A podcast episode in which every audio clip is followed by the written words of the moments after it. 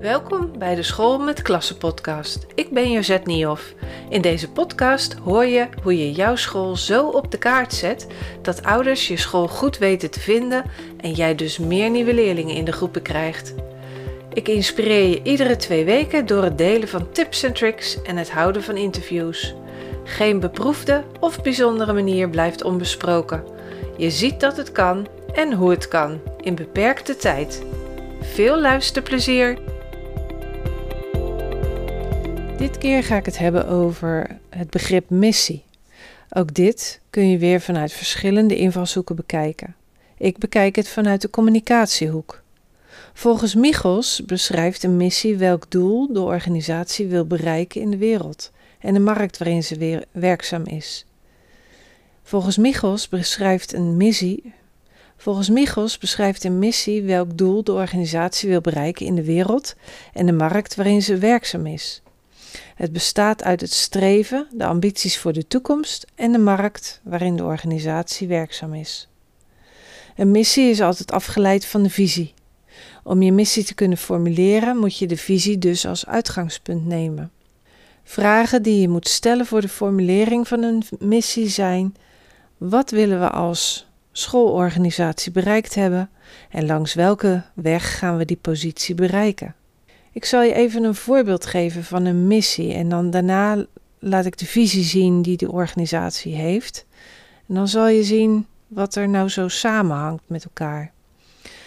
Um, het voorbeeld gaat over het merk Innocent Drinks. Die ken je misschien wel van de smoothies.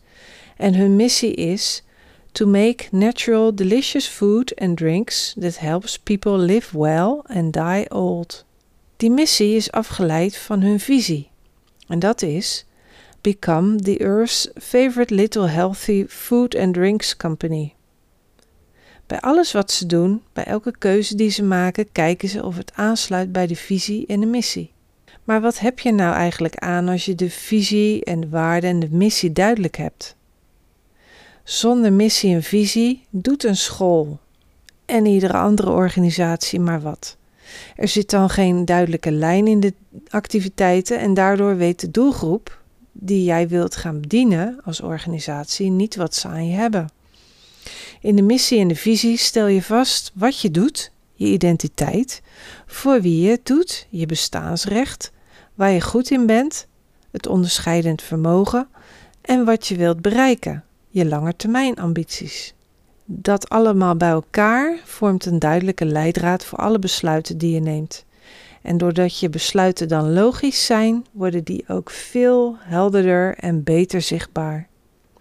Op die manier bouw je aan het merk van de school. Langzamerhand zet je de schoolnaam eigenlijk als merk neer. De communicatie over de school zorgt er dan voor dat het beeld wat ouders krijgen van de school, dat dat klopt. En het merk, dus schoolnaam, die je dus als merk neerzet, wordt gaandeweg steeds steviger. Want dit is eigenlijk ook hoe de grote merken bouwen aan hun merk. Dus waarom zou een school dat niet kunnen doen?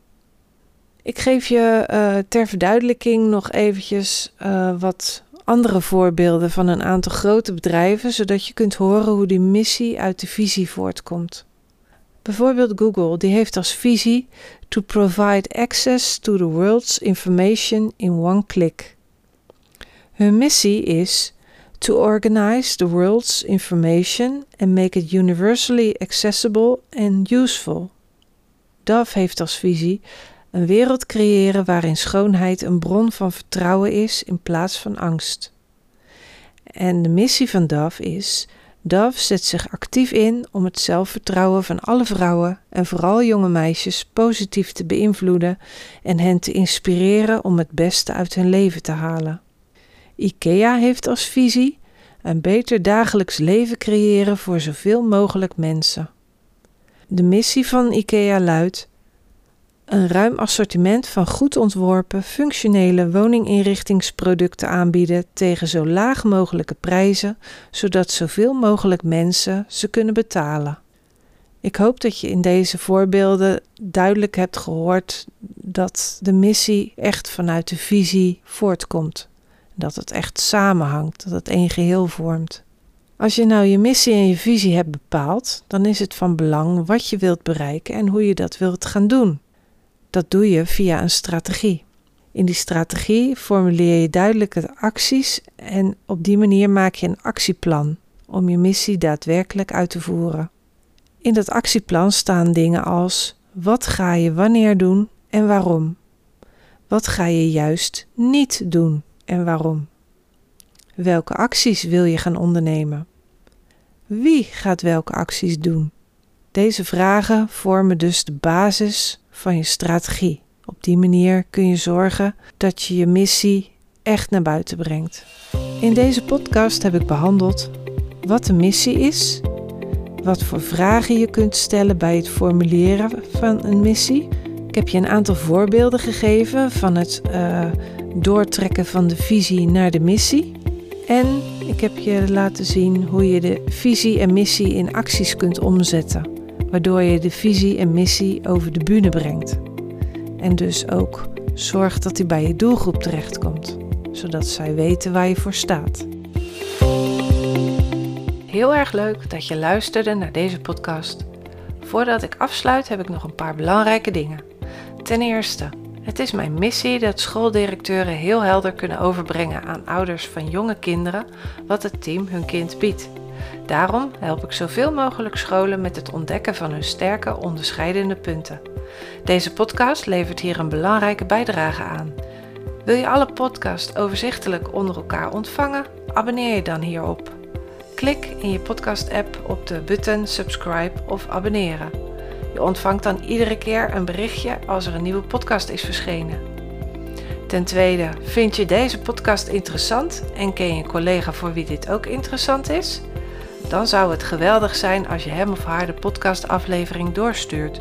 Bijvoorbeeld door de link te kopiëren via de drie puntjes in Spotify of je eigen podcast-app.